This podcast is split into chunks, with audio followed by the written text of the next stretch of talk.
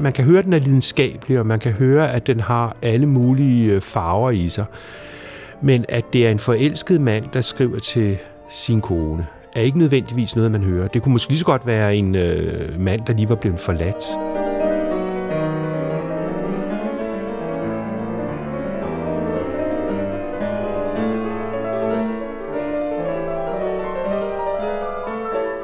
Der har musikken jo den her tendens til at berøre, uden at vi rigtig ved, hvorfor den berører os.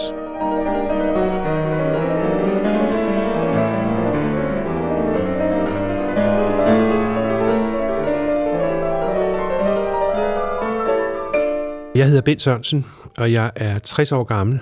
Jeg er til daglig komponist, og så har jeg et bidjob med at være formand for Dansk Komponistforening.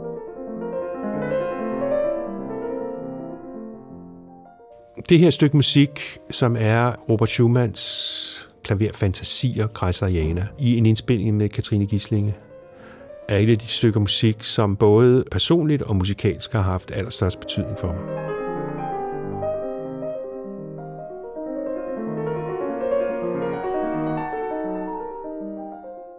Den her indspilning og øh, det her værk er ligesom et, øh, en del af mig.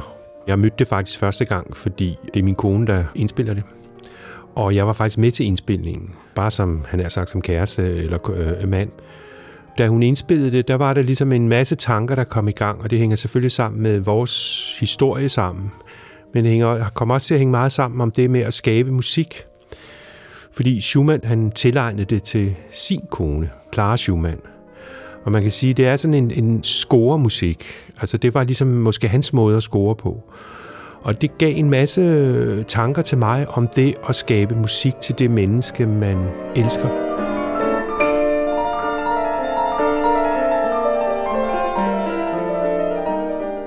Det er det, man kan gøre med musik. Det er et sprog, som ingen forstår, fordi det er så abstrakt, eller man forstår det, alle forstår det. Altså det er ligesom en, et, øh, et sprog, som er vores allesammens sprog. Men i det sprog kan man lægge øh, ting ind, som er så private, at man ikke lægger mærke til dem. Der er noget, som, som jeg virkelig kunne mærke i det værk, da Katrine indspillede det, at det ramte mig, og ikke bare i forhold til hende, men i forhold til det at være komponist og det at leve, at jeg er faktisk en autobiografisk komponist. Jeg beskriver mit liv, når jeg laver musik. Og det gjorde Schumann også.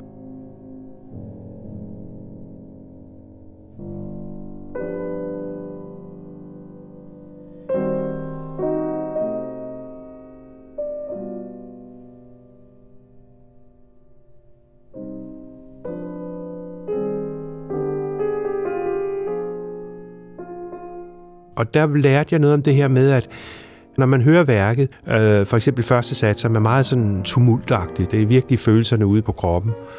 Og så nogle af de andre satser, for eksempel den fjerde sats, som er så blid, det skifter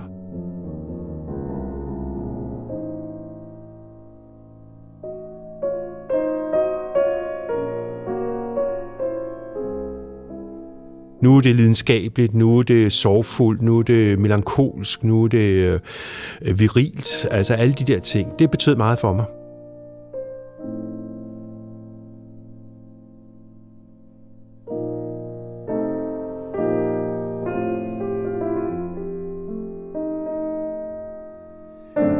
Jeg tror godt, man kan høre det, hende der spiller. Jeg kan i hvert fald høre det. Øh, fordi der er en speciel måde, især i, i nogle af de der langsomme passager, hvor nogle utrolig hurtige klip, som kræver, at man har den øh, klangfornemmelse, som hun har, for at man ligesom får den frem. De der voldsomme skift, hvor man lige pludselig fra at være i en kaotisk verden, så lige pludselig står musikken stille. Der er det den personlige fortolkning, for andre vil gøre det på en helt anden måde.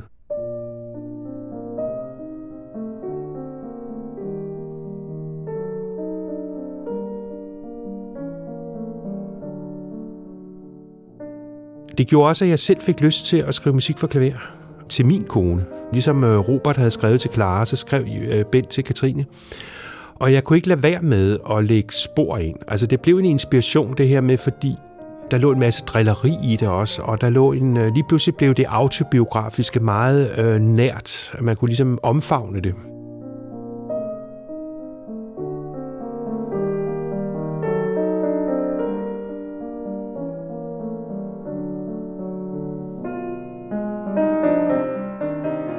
Jeg sad hele tiden og tænkte på, hvordan hun ville se ud, når hun spillede det.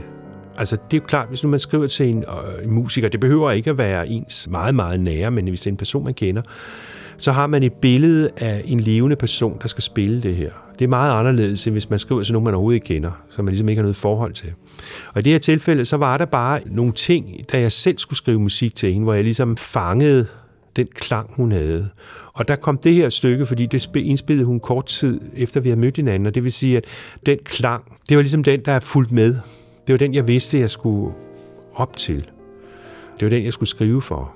Og det påvirker selvfølgelig den musik, man skriver. Øh, så det ligesom bliver, at man ved, hvad hendes, hvad, hvad, hvad Katrines hænder ligesom former, når de skal forme en skulptur.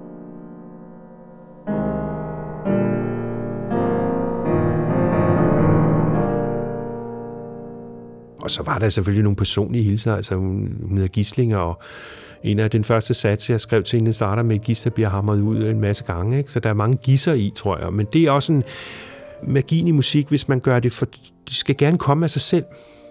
Altså hvis man hele tiden, og det tror jeg også Schumann har tænkt, hvis man hele tiden siger, at nu skal vi også sørge for at sende et signal til Clara her, vi skal også sørge for at gøre det, så bliver det kunstigt. Den store musik, den rigtige musik kommer, når tingene viser sig at være rigtige, uden man selv vidste, at de ville blive rigtige.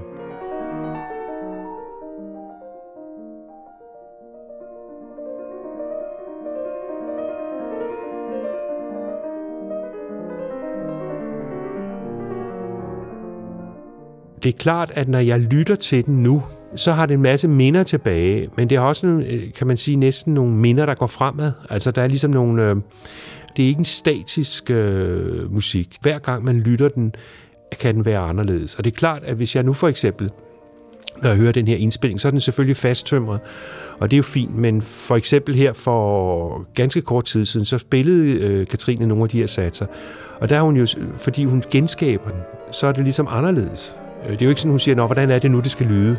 Fordi så kunne vi godt sætte en robot til at spille det. Det er hele tiden noget, der bliver formet i hænderne her og nu.